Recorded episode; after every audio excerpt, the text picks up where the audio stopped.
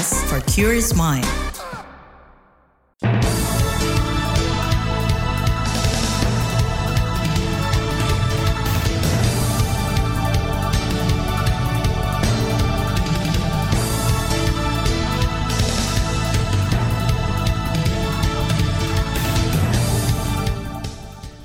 Selamat pagi saudara, berjumpa kembali dalam Buletin Pagi edisi Jumat 27 Januari 2023. Saya Naomi Liandra. Sejumlah informasi pilihan telah kami siapkan di antaranya. Pemerintah akui kelangkaan dan kenaikan harga migor curah. DPR tetap pilih sistem proporsional pemilu terbuka. Tersangka tragedi Kanjuruhan akui instruksikan tembakan gas air mata. Inilah Buletin Pagi selengkapnya. Terbaru di Buletin Pagi. Saudara, sejumlah wilayah di Indonesia mengeluhkan kenaikan harga dan langkanya minyak goreng curah. Salah satunya di Kabupaten Madiun, Jawa Timur. Pedagang di sana mengeluhkan sulitnya mendapatkan minyak goreng curah dalam kemasan dua pekan terakhir. Kalaupun ada, harga jualnya hingga Rp17.000 per liter. Kementerian Perdagangan membenarkan tren kenaikan harga minyak goreng curah di beberapa wilayah di Indonesia belakangan ini. Menurut Inspektur Jenderal Kementerian Perdagangan Didit Nur Diatmoko, kenaikan itu imbas belum sempurnanya mekanisme pemenuhan kebutuhan domestik atau DMO dan kewajiban mengikuti harga domestik atau DPO. Karena tadi mekanisme DMO DPO ini ternyata juga tidak sempurna betul. Bisa menyelesaikan permasalahan saat itu, tetapi secara jangka panjang ini eh, memang bukan penyelesaian yang sifatnya uh, mendasar. Tentu akan kami perbaiki terus-menerus. Irjen Kemendak Didit Nurdiatmoko menambahkan kementeriannya telah mengajukan permintaan ke Badan Pengawas Perdagangan Berjangka Komoditi atau BAPEPTI agar komoditas minyak kelapa sawit mentah CPO juga diperdagangkan di lantai bursa. Jika disetujui, kata Didit, Indonesia akan punya harga referensi sendiri untuk CPO karena selama ini harga patokan ekspor CPO berdasarkan referensi harga di Belanda dan Malaysia. Sebelumnya, Lembaga Pengawas Kebijakan Publik Ombudsman memberi sinyal adanya potensi kenaikan harga minyak goreng di 2023. Anggota Ombudsman YK Hendra Fatika mengatakan lembaganya juga mewanti-wanti Kementerian Perdagangan segera menangani potensi itu. Dan kemarin saya ketemu juga Pak Peri di Semarang. Baik ini harga minyak goreng mau naik lagi. Ah, saya bilang, Pak, tolong kalau bisa segera bereaksi cepat belajar dari pengalaman masa lalu. Anggota Ombudsman YK Hendra Fatika berharap kelangkaan minyak goreng di Indonesia tidak terjadi karena sinyal kenaikan harga sudah mulai terasa. Tingginya harga jual minyak goreng curah pemerintah minyak kita juga ditemukan Satgas Pangan Polri. Kepala Satgas Pangan Polri Wisnu Hermawan awal pekan lalu mendorong distributor minyak goreng curah non kemasan segera menggelontorkannya ke pasar, sehingga harga minyak kita bisa ditekan seusai harga eceran tertinggi Rp14.000 per liter. Kita sudah memantau di beberapa tempat terkait dengan adanya minyak goreng kita yang dijual di atas Rp14.000. Kita sudah memantau beberapa distributor, distribut uh, dan produsen untuk segera menyalurkan uh, minyak goreng curah yang menjadi uh, kebijakan pemerintah bahwa harga minyak goreng curah uh, maksimal itu 14.000 dan 15.000 saja per kilonya. Kasatgas Pangan Polri Wisnu Hermawan mengklaim kepolisian dan Badan Pangan Nasional tidak segan menindak tegas produsen yang berani menumpuk minyak goreng curah. Kelangkaan minyak goreng curah juga dibenarkan Ikatan Pedagang Pasar Indonesia IKP. Ketua Umum IKP Abdullah Mansuri mengatakan kelangkaan terjadi sejak dua bulan karena dihentikannya produksi minyak curah. Nah kalau ditanya kondisi di pasar ya kondisi di pasar sudah hampir dua bulan ini tersendat. Bahkan sudah tidak ada barangnya. Mungkin sebagian ada di Jawa Timur tetapi juga nggak banyak. Ya produksi Jawa Timur itu pun terbatas. Tapi kalau di luar luar Jawa itu hmm. barang itu memang benar-benar sudah nggak ada Ketua Umum IKP Abdullah Mansuri menyebut program minyak kita dari pemerintah memang bisa menjadi alternatif. Namun IKP menilai program itu gagal karena pemerintah tidak mampu mengontrol produksi minyak kita dari produsen. IKP lantas mendorong pemerintah menyiapkan sistem yang baku untuk produksi dan pengawasan. Abdullah mengakui jika pemerintah masih menjalankan kondisi seperti ini maka pedagang akan kesulitan karena minyak curah semakin terbatas sementara minyak kemasan juga tidak ada di pasaran. Anggota Komisi 6 DPR RI dari fraksi PKS, Amin Aka, mengatakan perlu ada langkah serius dari pemerintah dalam pengendalian ketersediaan dan harga minyak goreng di Indonesia. Tak hanya jangka pendek, strategi jangka panjang juga perlu dilakukan dengan serius. Kalau jangka panjangnya kan agar dihadirkan produsen-produsen kelas menengah yang berdekatan dengan sumber-sumber CPO itu gitu kan. Sehingga semakin banyak produsen minyak goreng di level kelas menengah ya tidak dikuasai atau terkonsentrasi hanya segelintir pengusaha atau perusahaan menguasai mayoritas dari produksi ya sehingga mereka bisa mendikte pasar. Anggota Komisi 6 DPR RI dari fraksi PKS, Amin Aka mengatakan produsen minyak goreng kelas menengah harus lebih banyak tersedia untuk mengurangi kemungkinan harga dapat ditentukan oleh produsen-produsen besar saja. Sementara ekonom meminta pemerintah belajar dari kasus langkanya minyak goreng yang terjadi awal tahun lalu. Salah satunya, kata ekonom dari Pusat Studi Ekonomi dan Hukum Selios Bima Yudhistira, perlunya menjaga kepastian stok CPO bagi pasar dalam negeri sehingga betul-betul kebijakan domestic market obligation itu dijalankan sehingga tidak terjadi perebutan antara CPO untuk ekspor ataupun CPO untuk kepentingan biodiesel. Apalagi target biodiesel tahun ini akan dinaikkan menjadi 35% dari total campuran solar. Jadi jangan sampai tarik-menarik ini terjadi lagi di 2023 untuk soal pasokan. Ekonom Selios Bima Yudhistira mendorong pemerintah memastikan seluruh rantai distribusi minyak goreng curah terdata baik mulai dari pabrik hingga ke distributor utama. Distributor tingkat 2 sampai ke level distributor yang paling kecil, sehingga setiap pengambilan kebijakan sesuai data yang faktual, real, dan tidak simpang siur. Pengamat ekonomi juga meminta seluruh perusahaan di sektor kelapa sawit, terutama yang memiliki izin hak guna usaha dari pemerintah, untuk patuh terhadap kebijakan pemenuhan kebutuhan dalam negeri. LPS naikkan bunga penjaminan simpanan. Informasinya akan hadir sesaat lagi, tetaplah di Buletin Pagi KBR. You're listening to KBR Pride, podcast for curious mind. Enjoy!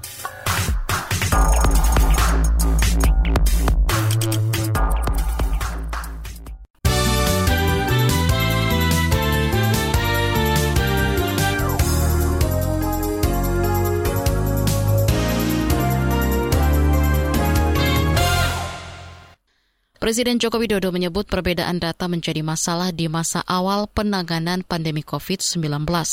Berbicara di Rakornas Transisi Penanganan COVID-19 dan Pemulihan Ekonomi Nasional kemarin, Jokowi menceritakan pemerintah harus menjaga keseimbangan antara kesehatan dan ekonomi di masa itu. Ini yang juga tidak mudah. Kecepatan bertindak sesuai dengan data-data lapangan yang ada. Tidak mudah. Karena data kita ini juga pada saat ketahuan semuanya, pada saat pandemi kelihatan semua data kita ini enggak siap. Data di sini sama di sini beda, kementerian ini dengan kementerian ini beda. Presiden Jokowi juga berterima kasih dan mengapresiasi besarnya partisipasi masyarakat menangani pandemi dan ekonomi.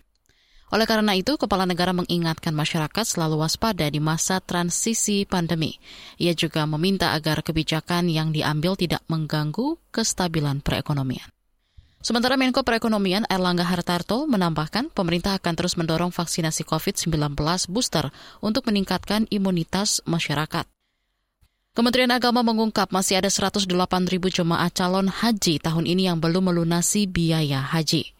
Hal itu disampaikan Direktur Jenderal Penyelenggaraan Haji dan Umroh Kemenak Hilman Latif saat rapat dengan DPR kemarin bagi 203.320 jamaah reguler yang saat ini sudah bersiap untuk berangkat terdiri dari tiga kelompok tadi yaitu kelompok yang sudah lunas 2020 tapi tidak bisa berangkat karena COVID jadi sudah menunggu menjadi tahun ketiga ya. Kemudian yang kemarin menjadi cadangan ikut melunasi dan insya Allah juga sebagiannya memang baru akan melunasi. Nah dari angka ini yang belum lunas 108 ribu Dirjen Penyelenggaraan Haji dan Umroh Kemenak Hilman Latif menjelaskan pemerintah akan memberangkatkan 221 ribu jemaah calon haji tahun ini.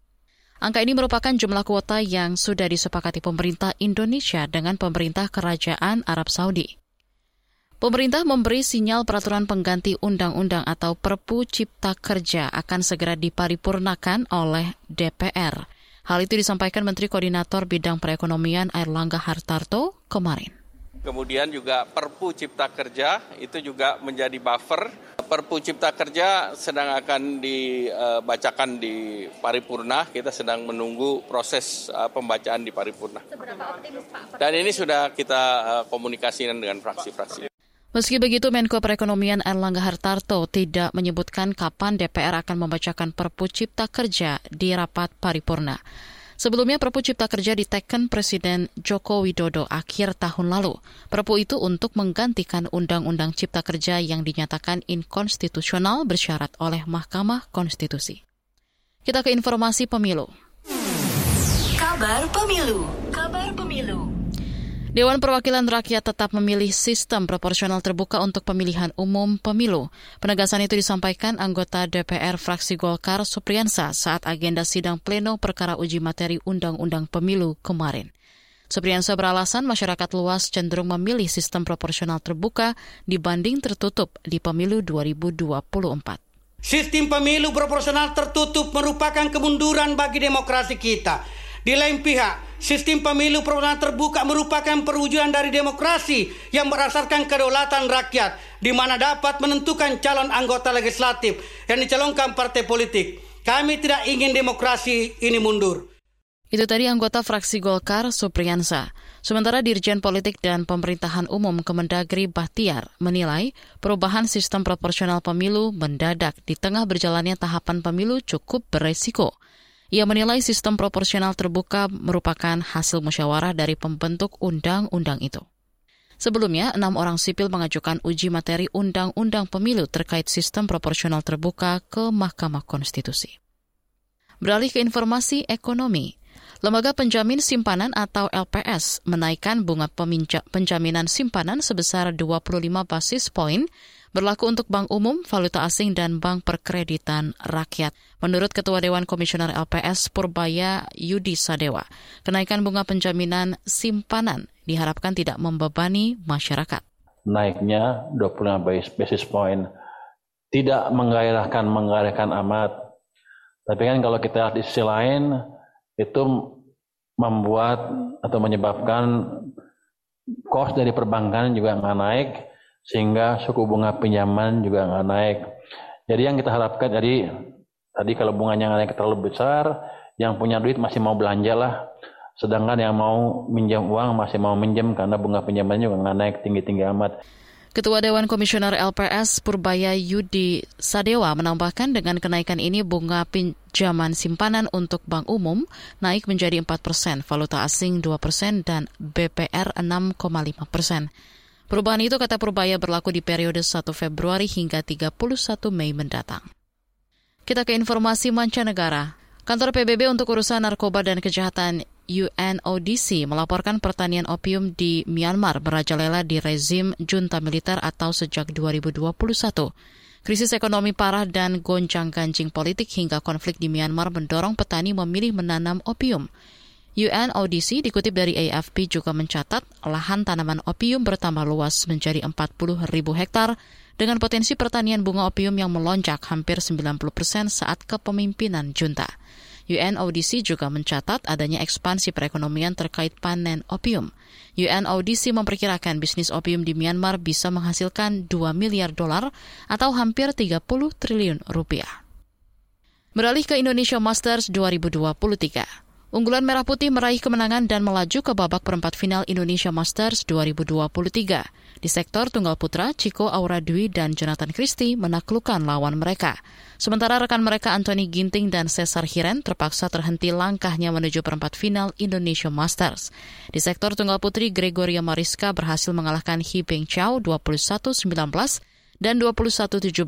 Sedangkan Putri Kusuma Wardani terpaksa mengakui keunggulan N Seyong 21-18, 7-21, 10-21. Sementara sektor ganda putri pasangan Apri dan Fadia juga menang atas ganda Taiwan 22-20 dan 21-16. Laju ganda putra Indonesia Kevin dan Markus harus terhenti setelah Markus mengalami cedera di game ketiga saat melawan ganda Cina. Di bagian berikutnya, kami hadirkan laporan khas KBR tentang tergoda perpanjangan masa jabatan kepala desa. Tetaplah di Buletin Pagi KBR. You're listening to KBR Pride, podcast for curious mind. Enjoy!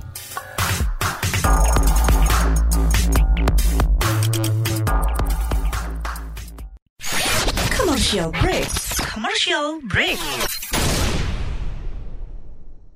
Ada kesedihan, air mata, dan trauma. Namun ada juga gelak tawa, bahagia, dan rasa bangga. Cerita kehidupan manusia adalah perjuangan dan pembelajaran. Pertanyaan dibalik itu secara psikologi, apakah dia punya niat membunuh? Kan belum tentu.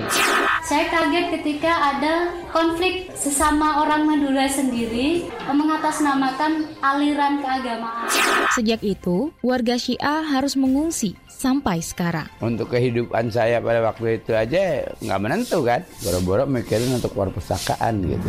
Saga, cerita tentang nama, peristiwa, dan fakta. Liputan khas KBR ini telah memenangkan berbagai penghargaan nasional dan internasional. Anda sedang mendengarkan program Saga Produksi KBR. Simak di program Buletin Pagi pukul 6 waktu Indonesia Barat, Buletin Sore pukul 16 waktu Indonesia Barat, dan KBR Pagi pukul 7 waktu Indonesia Barat. Dengarkan Saga di radio jaringan KBR di Nusantara atau streaming di kbr.id. Saga juga hadir dalam bentuk podcast di kbrprime.id. KBR Inspiratif Terpercaya.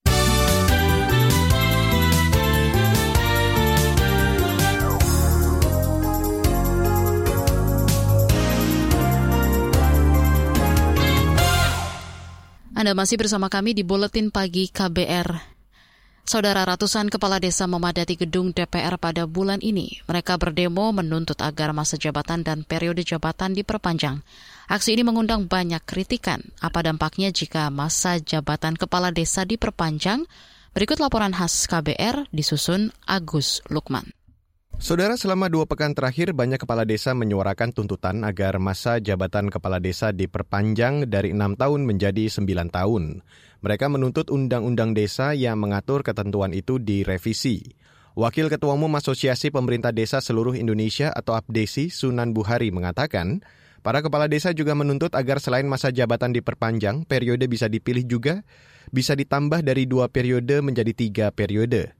Artinya, seorang kepala desa maksimal bisa menjabat selama 27 tahun.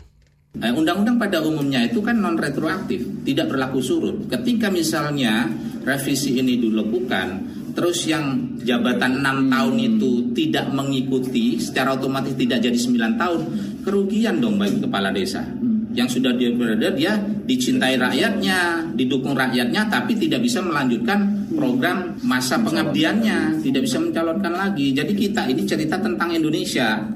Tuntutan itu sebelumnya juga kerap disuarakan Menteri Desa Abdul Halim Iskandar. Ia mengatakan sudah melontarkan usulan itu sejak Mei tahun lalu.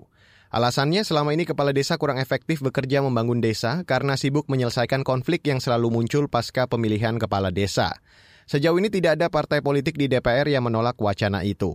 Anggota Komisi Bidang Pemerintahan Dalam Negeri di DPR, Gus Pardi Gaus, mengatakan, fraksi-fraksi akan mengkaji secara menyeluruh usulan perpanjangan masa jabatan kepala desa itu. Bagi kita nggak ada persoalan, kita tetap bekerja secara profesional. Apakah ini kebutuhan atau keinginan? Kalau kebutuhannya apakah mendesak atau tidak? Apa yang menjadi dasar untuk dilakukan revisi. Ya, revisinya tentang masa jabatan. Masa jabatan tadi kan di MK sudah ada keputusan MK di tahun 2021. Gus Pardigaus menyinggung putusan Mahkamah Konstitusi yang menyatakan masa jabatan kepala desa selama enam tahun dan paling banyak tiga kali masa jabatan. Sementara itu, Menteri Dalam Negeri Tito Karnavian menyatakan bakal mengkaji usulan revisi Undang-Undang Desa. Kami kaji dulu positifnya apa, negatif apa. Kalau banyak positifnya, ya kenapa tidak? Ya, tapi kalau banyak mudaratnya, ya mungkin kita tetap di, di posisi undang-undang sekarang. Ya, 6 tahun kali tiga kan 18 tahun juga lama juga itu. Ada positif negatifnya. Kami prinsip dari Kemendagri kami mengkaji. Namun, hiruk pikuk wacana perpanjangan masa jabatan kepala desa itu membuat resah sejumlah pihak. Organisasi Muhammadiyah mendorong agar suara-suara tuntutan perpanjangan masa jabatan kepala desa hingga 9 tahun dihentikan. Ketua Lembaga Hikmah dan Kebijakan Publik atau LHKP PP Muhammadiyah Rido Alhamdi mengatakan, masa jabatan 9 tahun terlalu lama dan berpotensi membuka celah kejahatan dan korupsi. Selain itu, tuntutan lebih terkesan bermuatan kepentingan politik ketimbang demi kepentingan masyarakat luas sebenarnya saya juga membaca uh, kalau usulan ini disetujui seandainya menjadi 9 tahun, maka ya menjadi alat kekuasaan untuk mengamankan pemilu serentak 2024. Ini sudah bisa terbantah ya. Kedua, oh ternyata Pilkades berhasil. Nah ini bagi orang-orang yang punya kepentingan juga motif politiknya, kenapa tidak untuk presiden menjadi tiga menjadi perpanjangan periodisasi? Rido Alhamdi mendorong DPR lebih mengutamakan pembahasan isu-isu yang menyangkut kepentingan masyarakat luas ketimbang politik praktis. Menurutnya, masa jabatan termasuk di tingkat kepala desa yang terlalu panjang tidak sesuai dengan prinsip dan semangat demokrasi. Di lain pihak, Forum Masyarakat Peduli Parlemen atau Formapi meminta masyarakat mewaspadai jika DPR tiba-tiba memasukkan usulan revisi Undang-Undang Desa dalam program legislasi nasional atau pembahasannya dilakukan secara cepat. Peneliti Formapi Lucius Karus mengatakan, saat ini revisi Undang-Undang Desa soal perpanjangan masa jabatan kepala desa tidak masuk prolegnas prioritas. Kalau tiba-tiba untuk itu sudah dibahas itu, itu artinya ada yang tidak beres gitu dalam secara prosedur gitu ya, proses uh, revisi Undang-Undang Desa itu dan sangat mungkin itu karena kepentingan politik dan kalau kepentingan politik yang kemudian menjadi dasar revisi sebuah undang-undang ya itu bisa justru jadi negatif gitu ya bagi undang-undangnya sedang direvisi. Dan saudara laporan ini disusun Agus Lukman, saya Reski Mesanto. Informasi dari berbagai daerah akan hadir usai jeda. Tetaplah bersama Buletin Pagi KBR. You're listening to KBR Pride, podcast for curious mind. Enjoy!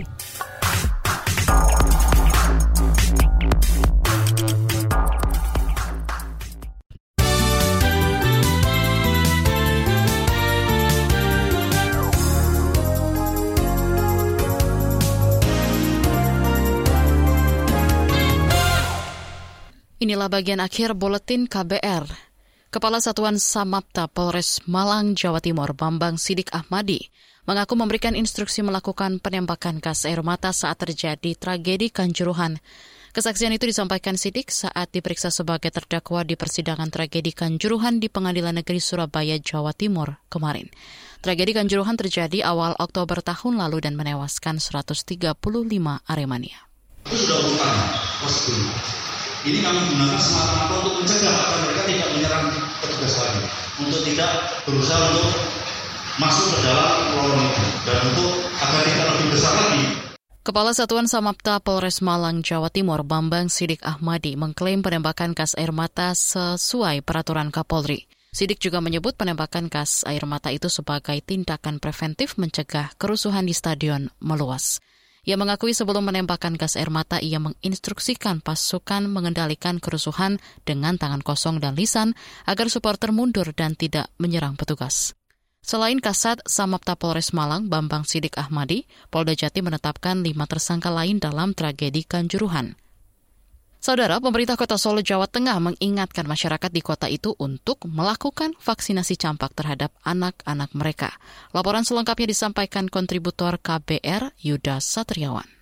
Pemerintah Kota Solo masih terus memantau perkembangan kejadian luar biasa campak yang terjadi di berbagai daerah di Indonesia. Kepala Dinas Kesehatan Pemkot Solo Siti Wahyuningsih mengatakan, Solo saat ini masih aman dan belum ditemukan kasus campak. Pemerintah Kota Solo sudah mengantisipasi dengan pemberian vaksinasi campak dan imunisasi lengkap kepada para bayi dan balita di wilayahnya. Makanya ikuti program pemerintah vaksinasi, termasuk vaksinasi rutin. Vaksinasi rutin kan ya ada campak Pak. Bismillah mudah-mudahan aman. Lebih lanjut Siti mengungkapkan KLB campak di sejumlah daerah juga membuat tenaga kesehatan di Solo terus merespon cepat dan memeriksa kembali hasil imunisasi balita. Sebagaimana diketahui sejumlah daerah menetapkan kejadian luar biasa atau KLB campak. Kementerian Kesehatan juga menyebut ada 12 provinsi ditetapkan sebagai wilayah KLB campak yang tersebar di 53 daerah. Dari Solo, Jawa Tengah, Yuda Satriawan, KBR.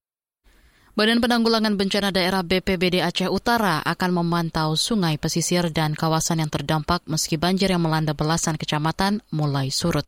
Hal itu disampaikan juri bicara BPBD Aceh Utara Mulyadi kemarin. Itu tetap kita perhatikan. Kita meminta informasi pada teman-teman yang ada di wilayah pesisir-pesisir uh, tidak menutup kemungkinan karena ini adalah masih dalam cuaca ekstrim jangan-jangan nanti ada ombak besar atau terjadi abrasi dan lain-lain seperti itu. Kita tetap jaga itu. Juru bicara BPBD Aceh Utara Mulyadi menambahkan, lebih dari 20 ribu jiwa terdampak banjir yang merendam belasan kecamatan di Aceh Utara itu. Saudara, saat ini banjir yang sempat menggenangi sejumlah kecamatan di Aceh Utara terus berangsur surut. Informasi tadi menutup jumpa kita di Buletin Pagi hari ini. Pantau juga informasi terbaru melalui kabar baru situs kbr.id, Twitter, at berita KBR, serta podcast di alamat kbrprime.id. Saya Naomi Liandra bersama tim yang bertugas undur diri. Salam.